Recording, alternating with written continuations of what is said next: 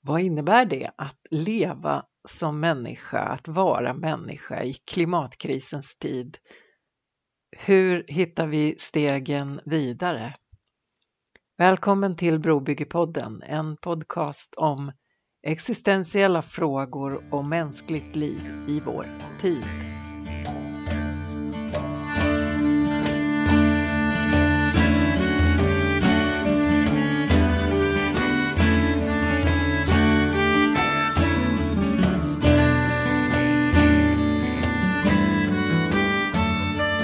Jag tror att det var så här jag träffade dig Niklas, att eh, för ungefär tre år sedan eh, jag tänker att vi är på Mynttorget i Stockholm och att det är fredag och att det är människor som har samlats eh, kring Greta Thunberg. Det är folk från miljö och klimatrörelsen och det är unga människor och äldre människor i en blandning. Och av någon anledning så börjar jag prata med dig Kommer du ihåg det? Vad gjorde du där? Ja, Lena, jag, jag tror att du har helt rätt. Och eh, jag var nog där för att jag kände att det behövdes någonting mer. Jag har ju varit aktiv i eh, klimat och miljörörelsen då under ja, ungefär 25 år, framförallt politiskt och jobbat med eh, de här frågorna på olika sätt i olika politiska sammanhang. Men på något sätt så under de senaste åren så har jag allt mer känt det här att det räcker inte. Vi måste göra mera för att uppmärksamma eh, inte minst klimatfrågan då. Och, eh, eh jag hade ju sett, eh, jag tror att det var i någon av tidningarna eller om det var eh, något tv-inslag, eh, när Greta satt där utanför riksdagshuset och jag minns att vi diskuterade det här eh, för att det var många som började stötta henne eh, ganska direkt och, och, man likade de här inläggen. Vad det skulle kunna få för betydelse för, för valrörelsen, för det var ju precis innan valet. Mm. Och, eh, eh, och ganska precis, eh, ja, det var några, kanske några veckor eller så efteråt så var jag på plats. Och eh, jo, jag kommer ihåg att vi träffades där och eh, jag uppfattade både samtalet med dig och många andra eh, som, som stöttade Greta de här fredagarna, att det var en väldigt positiv stämning. Det var en allvarlig fråga, men den här eh, gemensamma känslan av att göra någonting tillsammans var väldigt positiv. Just. Och du, du eh, bor inte i Stockholm. Var, var hittar man dig? Nej, jag bor i Katrineholm. Eh, men under, ja det var, blev ju många resor till Stockholm. Jag var inte uppe varje fredag kan jag inte säga, men jag var ganska ofta i Stockholm. Och eh, det kändes som en viktig del i en process för mig det här att, att göra de här besöken på Mynttorget och likaså delta i de olika eh, demonstrationer som Fridays for Future engagerade. Om man skulle presentera dig Niklas, eh, nu har vi fått veta att du är, är engagerad i miljö och klimatfrågorna både politiskt och, och ska vi kalla det utomparlamentariskt med och demonstrerar och så. Men vad, vem är du?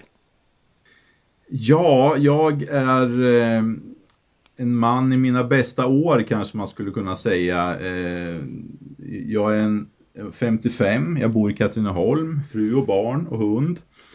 Eh, jag har varit engagerad eh, politiskt under lång tid, eh, men jag har alltid haft ett, ett känt, känt behov av ett större engagemang. Och, i takt med att larmrapporterna har blivit fler och fler har jag insett att vi, vi måste hitta nya vägar för vårt engagemang. Vi måste göra mera tillsammans utöver de här formella mötena då som vi ofta sitter i. Och därför så, så eh, har jag eh, bland annat engagerat mig i Fridays for Future. Eh, jag har även då varit med på en hel del aktioner med Extinction Rebellion både i Sverige och i Berlin. Och i grunden så, så har jag ju en övertygelse om att vi människor måste ta några steg tillbaka för att liksom lämna plats för, för den natur och den livsmiljö som vi, som, som vi har så att säga förgripit oss på under väldigt lång tid. Och det här är någonting som också rimmar väldigt väl med min övertygelse som kväkare. Just att eh, göra det som känns rätt. Att verka då i en riktning eh, därmed då som, som känns eh, etisk och moralisk. Just att stå upp då för, för eh, en, ett annat sätt att leva, det har mer och mer känts väldigt naturligt för mig. Så att ja, på den vägen är det. Nu ska vi hjälpa våra lyssnare. Det här med kväkare, kan du säga någonting? Vännernas samfund kallas det också va? Ja, det stämmer och det är ju då en, eh, en protestantisk gren inom eh, kristenheten då som, som bildades i England på 1600-talet.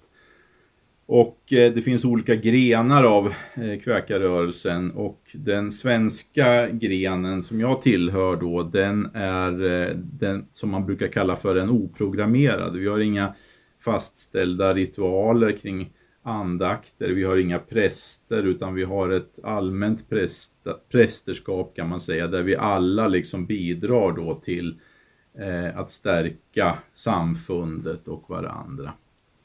Och vi har tysta andakter eh, utan ritualer. Det är lite kort om kväkarna.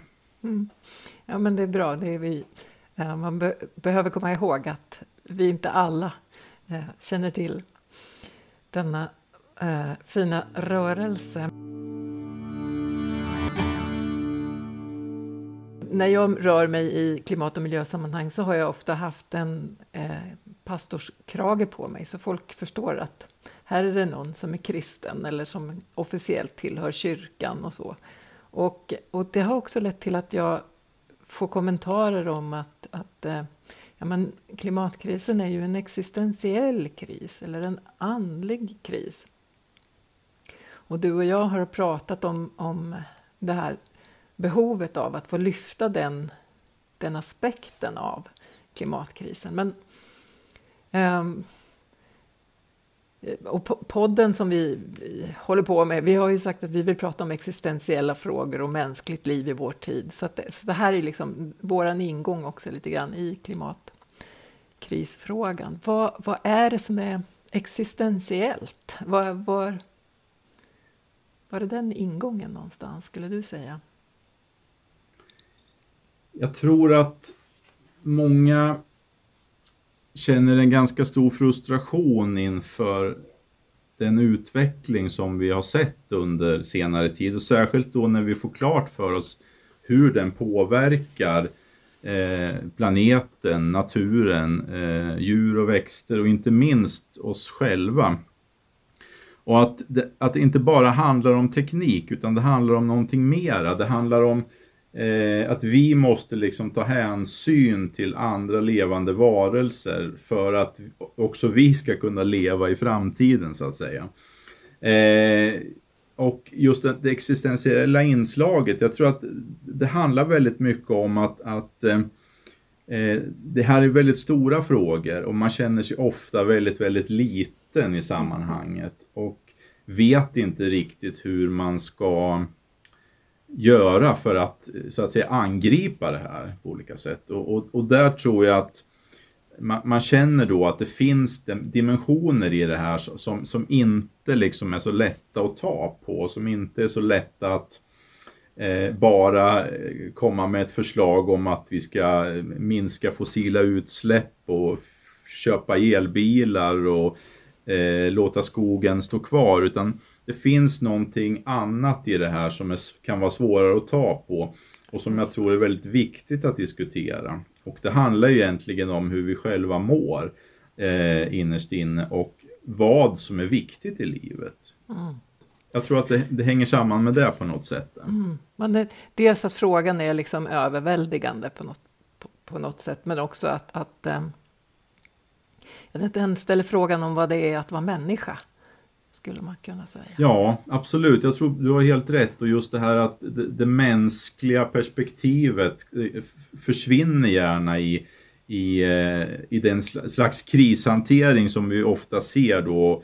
Eh, och särskilt idag när man, man, man går ut och övertrumfar varandra med olika förslag hur man ska lösa eh, klimatproblemet så att säga. Men vi pratar egentligen väldigt lite om eh, hur vi ska leva som människor. Och det är kanske det som är det allra viktigaste. För jag tror inte att vi kan inte, vi kan inte bygga bort, vi kan inte eh, konsumera bort de här problemen. Utan någonstans sitter kärnan i oss själva. Det, det är där någonstans vi måste komma till insikt om vad, vad som är viktigt i livet egentligen. Och som du säger, vad är det att vara människa i dessa tider? Mm. Det finns ju en, en, ett citat som ganska ofta dyker upp i eh, som är en, en eh, klimat... Eh, vad ska vi säga? Klimatadvokat, tror, tror jag han brukar kallas. Gus Speth hette han. Han, han säger att han, han, eh, han brukade tro att eh, de viktigaste, största miljöproblemen handlade om biologisk mångfaldsförlust, om ekosystemen som kollapsar och klimatförändringarna. Eh, och att det borde vi kunna lösa. Men det han nu har insett är att eh, viktigaste miljöproblemet är själviskhet, girighet och apati. Och eh, för att ta hand om det behöver vi en andlig och kulturell transformation och det kan inte vi forskare läsa lösa, ungefär så. Lite fritt översatt. Mm. Nej, men jag tror att det stämmer och, och eh, som en parallell där så kommer jag att tänka på Helena Granström som är skribent och författare och som har skrivit boken Det som en gång var. Eh, och eh, tillsammans med Marcus Elmerstad. Och eh, jag har ett citat där som, som passar väldigt bra då när det gäller just hur vi ser på naturen och eh, det som är, inte är mänskligt runt omkring oss. Och hon skriver så här. Jag vill vara tydlig. Argumentet för att inte utrota vargen är vargen. Argumentet för att inte utrota fjällräv och isbjörn är fjällräv och isbjörn. Argumentet för att låta rynkskinn, granticka, lappmes och vitryggig hackspett leva är rynkskinn, granticka, lappmes och vitryggig hackspett. Och argumentet för att inte systematiskt förstöra livsmiljön för någon av dem, argumentet för att inte förgifta dem eller skjuta dem en efter en tills inget finns kvar, är den fullständiga absurditeten i att vara del av en mänsklig kultur som eliminerar arter, som gör det som en del av sin vardagliga praktik, som gör det utan att ens lägga märke till det, eftersom den för länge sedan förlorat den känslighet som en sån iakttagelse skulle kräva, som förgiftar vatten, förgiftar luften, förgiftar marken, som allt medan den gör detta påstår att den förbättrar människans materiella levnadsstandard. Mm. Och, och, jag känner just det här att vi, wow. eh, vi pratar väldigt mycket, vi pratar väldigt ofta i materiella termer. Att, att vi vill, vi vill liksom skapa förändring i en materiell värld men vi glömmer väldigt ofta bort eh, den andliga världen och de existentiella behov som vi har som människor faktiskt. Och eh, jag ser det, jag, jag, tror att det är där någonstans eh, det här uttrycket, när, när de möter dig i de här, de här sammanhangen så tror jag att här är någon som är med på ungefär samma villkor som jag och någon som jag kan prata med om de här frågorna när jag nu träffa på Lena här på Mynttorget eller i något annat sammanhang. Då vågar man eh, pröva den här, den här aspekten av, av problemet. Och det, men det, det, är ju en alldeles oerhörd sak att liksom att, att om, man, om man börjar lyfta på locket till den, de existentiella aspekterna av det här. Alltså så länge man håller sig på något slags lösningsfokuserat plan så är det lite lättare. Eh, men när man liksom djupdyker in i vad betyder det att vara människa, att vara del i, i ett system som på det här sättet bryter ner. Eller, eller liksom, ja, är, är jag en alltigenom ond varelse eftersom jag är delaktig i det här? Eller, ja, det, det finns många. Jag, jag har ibland mött människor som har sagt att det vore bättre om inga människor fanns. Eh, och och det är en ganska tung tanke att gå omkring med. Eh, och, och, och, en annan existentiell aspekt av det är ju, är ju att man tänker att nej, jag kan inte bli förälder för eh, det, både av hänsyn till, till de eventuella barnen då och deras framtid men också utifrån att, att eh, eh det blir för många människor. Människan är en belastning. Och det, det här behöver man ju få prata om, liksom, eller få gråta över. Eller, eh.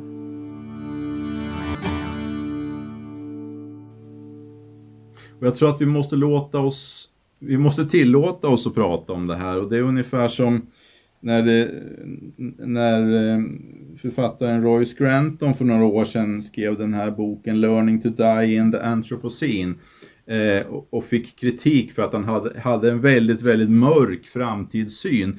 Så, så handlar det ju faktiskt om att, att, att det är en, ett sätt att se på framtiden. Och eh, vad det satte igång då hos många då, eh, det, det, var ju någon form av avståndstagande, men så här kan det inte bli och så här får det inte vara. Men, men problemet är ju inte att, eh, att det här, vi kan liksom inte automatiskt undvika den här synen på framtiden, utan vi måste ta med den också i det här samtalet om hur den alternativa framtiden ser ut. För att det är ju faktiskt upp till oss, oss som lever just nu. Och det här känns ju väldigt eh, stort och mäktigt, men, men det är ju faktiskt så. Om inte vi bestämmer oss för att göra någonting då som verkligen förändrar eh, vårt sätt att leva, då, då, då, finns ju, då är ju chansen att, att framtiden blir ganska, eller chansen, det är ju risken ska jag säga, att, att framtiden blir väldigt mörk och dyster. Eh, så att det vilar ju faktiskt ett stort ansvar på oss eh, alla, inte bara politiker och beslutsfattare utan på var och en av oss att liksom göra vad vi kan så att säga.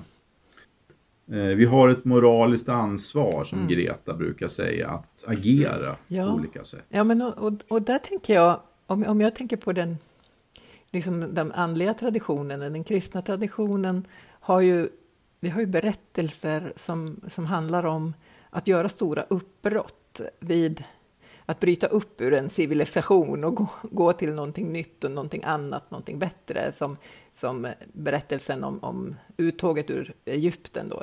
Man gick från slaveriet, som, men som ändå var ganska tryggt så att säga, och så den långa vandringen på väg till, till det land man drömde om.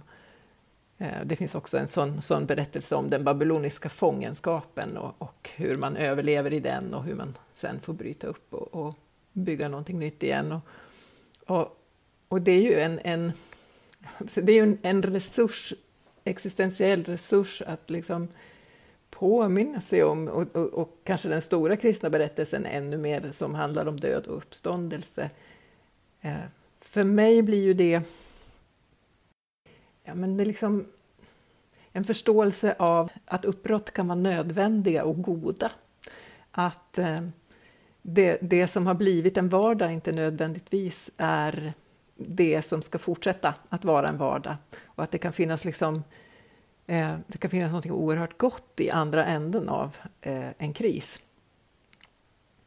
Och, och eh, så, så, skulle jag vilja få prata också om, om liksom den, den existentiella eller andliga delen av den här resan. Det är ju, människan har ju, har ju möjlighet att bli det hon kan bli, eller vi, att bli det vi kan bli, än mycket mer.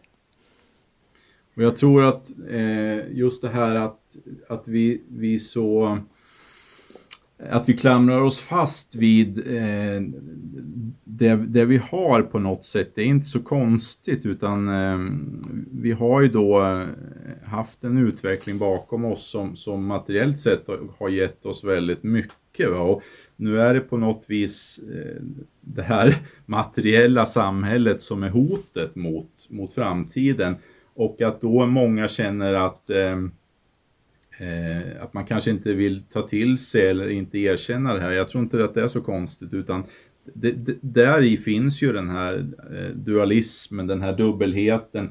Eh, att man kanske förstår då, då um, vad utvecklingen kommer att leda till men man vill samtidigt man vill inte liksom offra det liv man har på något vis. Va? Mm.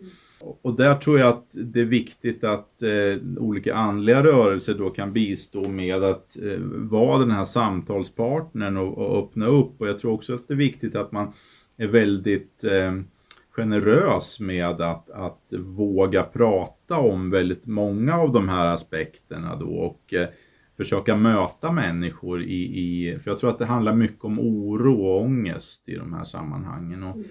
att, eh, att sätta ord på saker bara, mm. bara en sån sak. Ja, och spännande att just du säger det. Jag tänker att, att jag vet, dels, du jobbar ju med ord eh, och är bra på det, men jag tänker, och sen tillhör du ju då en tradition där man använder tystnaden. Eh, och, och, när jag hör dig prata om det här så tänker jag att Ehm, det, det som Vännernas samfund eller en, en kväkare tränar sig i är ju också att genom, alltså vilket ord är så viktigt att det ska bryta tystnaden? Att, att man övar sig i, i ordens eh, valör och kraft och så. Det är en slags urskiljning ni håller på med. Kan, kan, kan man säga så? Ja, jo men absolut. Jo, du har helt rätt. Och, eh, och, och det, det, är liksom två delar av det här att, eh, att, att eh, anpassa sig och gå in i en tradition. Samtidigt så genom historien så har ju många kväkare varit ganska vältaliga. Man har ju ofta skrivit eh, dagbok och eh, berättat om hur man tänker och hur man gör. Så att, eh, Eh, så att det finns liksom en, en, olika sidor av det här. Men man har ju varit väldigt mån om, i, särskilt i andaktssammanhang och eh, eh att, att språket då, att, som du säger, orden ska få eh, rätt värde då också. Att man inte ska tala utan att man har någonting viktigt att säga och så. så att, eh, och eh, i mitt fall så kanske jag ibland är lite väl eh, talträngd, nej inte talträngd heter det inte utan lite väl eh, pratsam för att vara kväkare. Men samtidigt så, så um, Sam, samtidigt så, så uh, befinner vi oss då i en väldigt kommunikativ värld. Så att jag tror att det, det, är, um, det är också ett sätt att föra ut ett budskap på då och, uh, mm. och, och, också att uh, visa på att i vissa tillfällen så är vi precis som andra då, i andra tillfällen så i, i andaktsliv och så, så finns det kanske ett större allvar i i eh, val av språk och ord och sådana saker. Så att, eh, ja, men jag, ja, jag, jag, kan tänka det med, med dig att, att eh, för du skriver ju också kröniker och annat och, och är skribent. Så att, så att, men, men jag tycker att, du, att det märks att du är noggrann med orden, inte minst när du skriver. Men, alltså att, och, och att, att det faktiskt hör ihop med, med att eh, man inte är rädd för tystnaden. Och, och där, man, där har ju liksom vår tid en, en, en brist. Eh, och det är så många av, av de ord som, som kommer upp i offentligheten och i media som inte har hämtats ur tystnaden utan, utan som, som blir ett slags eh, ja men, lite oreflekterat pladder. Alltså vi kommer inte till djupet av den här frågan därför att vi, vi rör oss liksom på... Vi, vi springer på ytan. Och kanske ännu värre idag, allt det, allt, alla hot och, och det hat som då florerar i, särskilt då i sociala medier när, när eh, människor liksom ger sig på varandra för att man har olika åsikter. Istället för att försöka hitta då ett, eh, ett rum för samtal så, så, eh, så, så hotar man varandra och hatar varandra då för väldigt lite egentligen. Och, och, det är ju en ganska skrämmande utveckling. Och jag tror att där har ju då, ja, kyrkor och andliga rörelser har ju då en, en, en uppgift tror jag att vara det här ett tryggt rum bland annat för att kunna diskutera sådana här frågor. För klimatfrågan i sig är ju inte okontroversiell. Även om då i, i princip eh, alla världens klimatforskare skriver under på att det, här, att det är människan som har bidragit till den eh, klimatförändring vi ser idag så finns det ju fortfarande en ganska hetsk stämning när man lyfter olika typer av frågor. Och särskilt när det rör, eh, eller handlar om att eh, åtgärderna för att möta de kriser vi ser redan idag, när de åtgärderna inkräktar på människors frihet på något sätt, för det är det det handlar om då, blir det, då kan det uppstå liksom väldiga låsningar. Och jag tror att där finns det ett behov av att hitta samtalsrum för att kunna prata mm. om eh, de här frågorna på, ett, på en annan nivå. Men, och, och då kan man tänka, jag, du och jag, vi liksom skolade i att tänka lite filosofiskt, teologiskt, reflektionsmässigt och ja, vad är det vara människa, spännande identitet så här. Hur hotade min identitet? om, om jag har mycket av min, min, min glädje och min vardag eller fritid i att jag, jag tycker det är roligt med bilar eller jag, jag ägna mig åt en verksamhet eller arbeta med någonting eh, som genererar stora utsläpp och det, det är en del av, av vem jag är. Eh, då, blir det ju, då blir det ju så mycket mer kostsamt och smärtsamt att, att liksom på allvar liksom gå in i och, och acceptera Eh, på ett sätt kan jag känna att, jag, att det är så mycket enklare för mig för att jag har ändå haft någon slags dragning till att leva lite enklare. Jag är inte superintresserad av att samla på mig mycket. Och hade det handlat om att vi måste sluta läsa böcker. Förstå att vi som först hakar på det här tåget är kanske de som, som känner att vi är redan lite, ja men det här är redan lite i den här riktningen. Ja, nej, men jag, jag, tror att du har en, en, väldigt viktig poäng där och jag tror att dels tror jag att vi alla har områden då som på något sätt är hotade när det gäller omställning och sen kan det ju vara mer eller mindre. Men samtidigt så tror jag att eh, jag ska säga det att jag har själv kört motorcykel nu eh, till för några år sedan när jag kände att det liksom att det kändes inte riktigt bra. Eh, eh, längre. Och det här var egentligen en, en ungdomsdröm som jag var tvungen att förverkliga eftersom det inte blev av då när jag var i den åldern när man borde, så att säga, inom situationstecken, skaffa motorcykel. Eh, så att jag kände att det här var någonting jag i alla fall måste testa. Men, men som sagt, det kändes inte riktigt bra med tanke på, eh, med, med, med, tanke på utsläpp och sådana saker. Eh, och, och, så jag, jag, jag, kan förstå den här eh, eh, känslan av att, att ens identitet är hotad. Men jag tror också att det är viktigt att man, man eh, hittar då ställen och rum och, där man kan prata med varandra om de här sakerna. Och, eh, och, och det är ingen enkel sak att ställa om. Eh, vi skulle behöva göra ganska mycket under väldigt kort tid. Och Problemet är ju att ju längre vi väntar så måste vi göra ännu mer under ännu kortare tid. Mm. Och att, att hitta då eh, tillfällen där, där vi då kan samlas och prata om de här sakerna. Det, jag tror att det kommer att bli nödvändigt. Eh, idag så pratar vi gärna med varandra. Vi, vi, vi är ju redan övertygade om att det här måste ske. Va? Eh, och det är mycket enklare att du och jag pratar om det här än att vi skulle prata med någon som kanske helt motsätter sig att det överhuvudtaget finns någon eh, klimatpåverkan som är mänskligt åstadkommen då särskilt. Just den här polariseringen, att det, det, är en av de stora utmaningarna som vi har framför oss, att hitta eh, lösningar där vi, ja, kanske framförallt på individnivå liksom eh, möter varandra på olika sätt.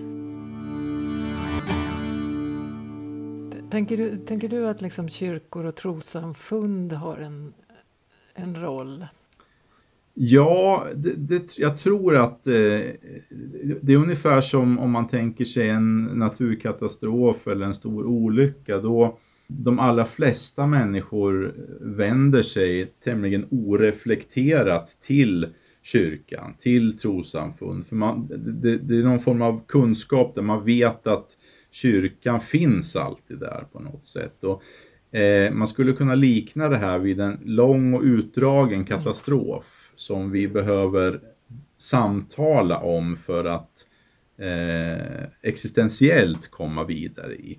Så jag tror att det finns både en, en, egentligen en stor beredskap inom eh, andligheten och även en, en, en, kunskap eller en förhoppning hos människor att eh, andliga rörelser, kyrkor och samfund kan bistå med det här. Och det kan vara det också som gör att det blir, blir att man vågar öppna upp sig då när man, man ser din krage där. att Ja, men, men Lena kanske jag kan prata med de här sakerna om och hon, hon, kan, hon kanske säkert förstår de här kopplingarna på något sätt. Va?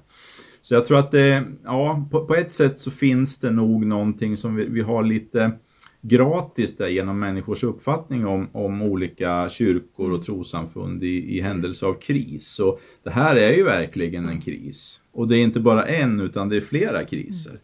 Ja men det tänker jag så här, alltså kyr, kyrkan förknippas ofta med ett rum dit man får gå med sin sorg. Alltså att vi, det är vi egentligen bra på. Att, att erbjuda en plats där man kan sörja. Eh, och, och, det där har jag tyckt varit lite... Eh, när, när Ibland eh, är, vi från kyrkhåll ganska snabba med att säga att ja, men vår, vår roll i klimatkrisen är att, att ge hopp. Men att vi, att vi behöver också först få ta på allvar och, och känna sorg och förtvivlan. Eh, och att det, inte, det ena utesluter inte det andra. Så jag tänker, jag tänker sorgen, jag tänker hoppet, men jag tänker också omvändelse. Eh, alltså möj, möjligheten just att göra en sån här livsförändring och, och att det kan vara någonting gott och positivt har ju vi också så stor erfarenhet av.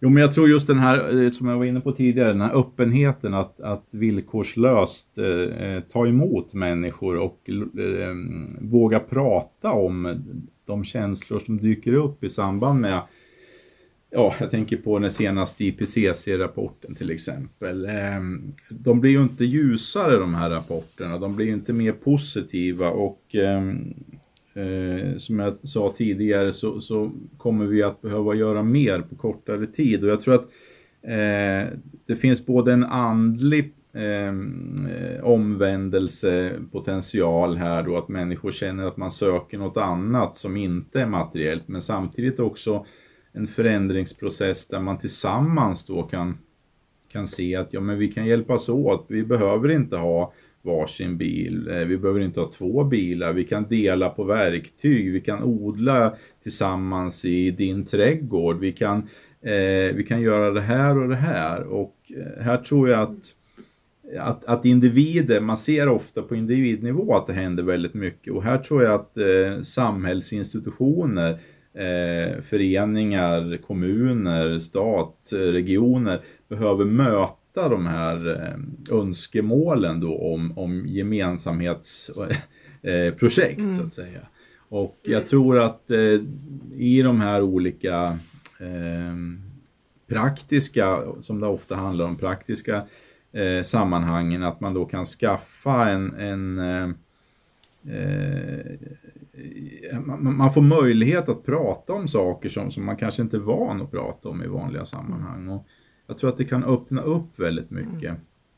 Framförallt tankar om existentiella saker och vad är det att vara människa i den här tiden som vi befinner oss i till exempel.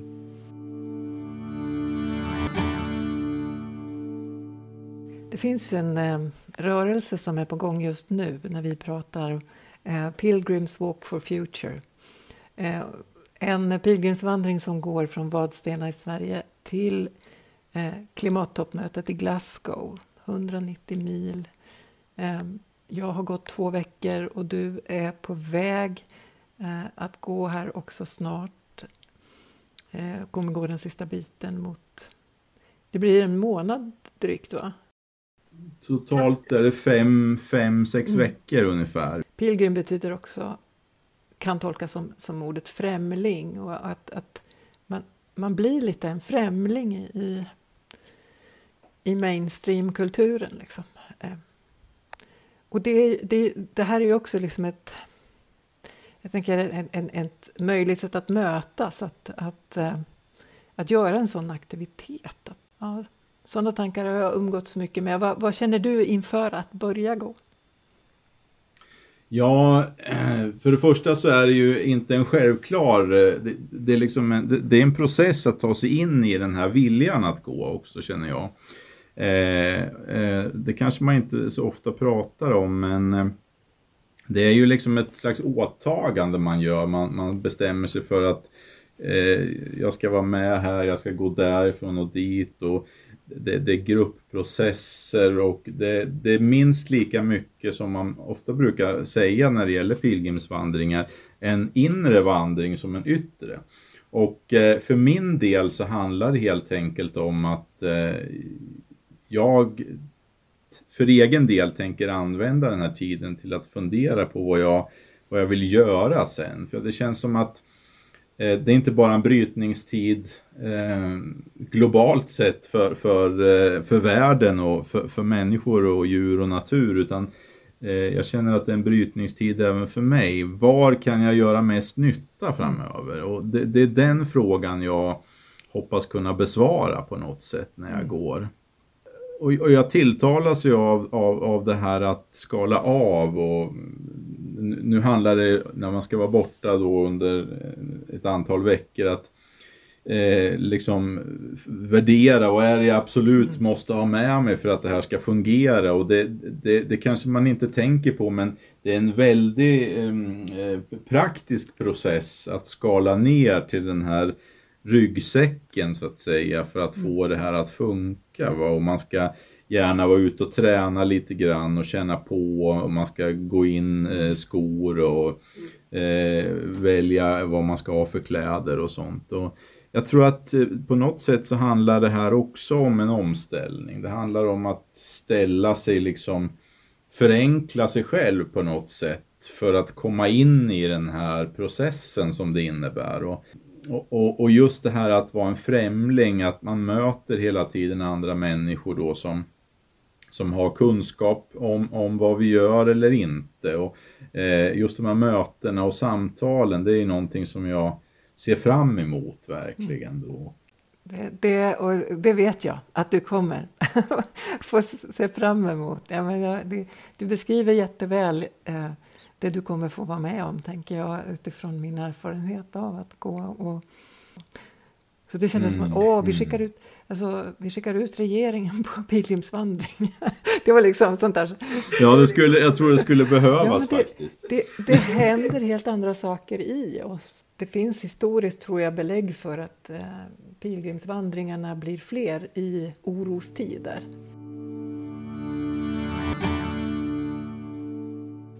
Och vill man, vill man så kan man ju också härleda det då till, jag tänker på människans utvecklingshistoria. Vi började ju som kringvandrande eh, individer i små grupper och eh, jag tror att någonstans så finns det någonting här.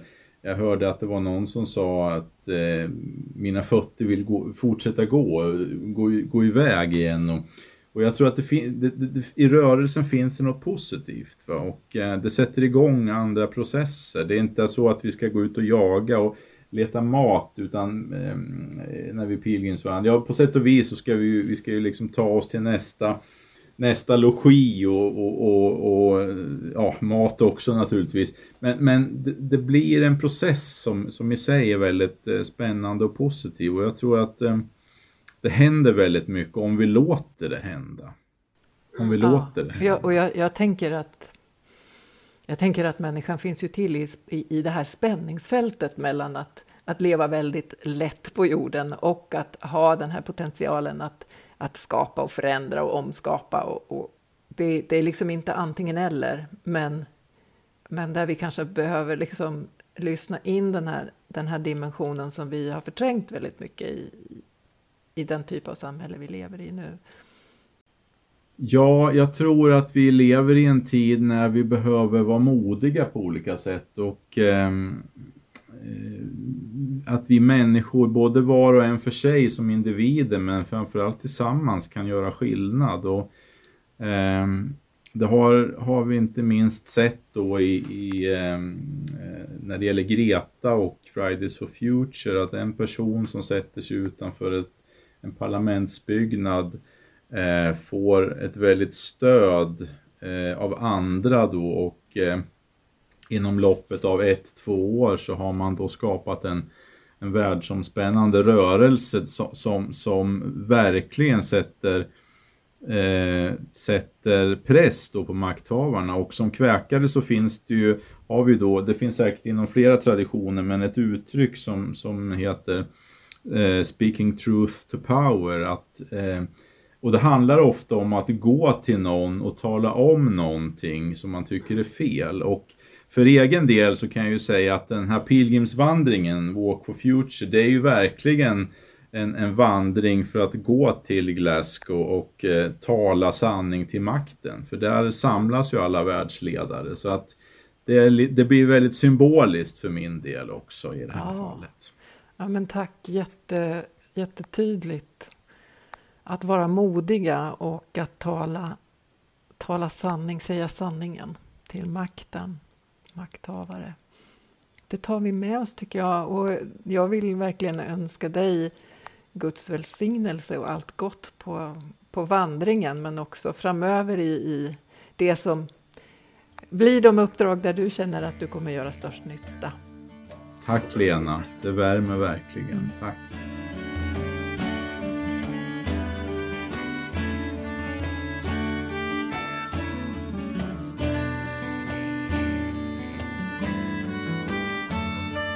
Tack ska ni ha som har lyssnat. Vi hörs igen i Brobyggepodden.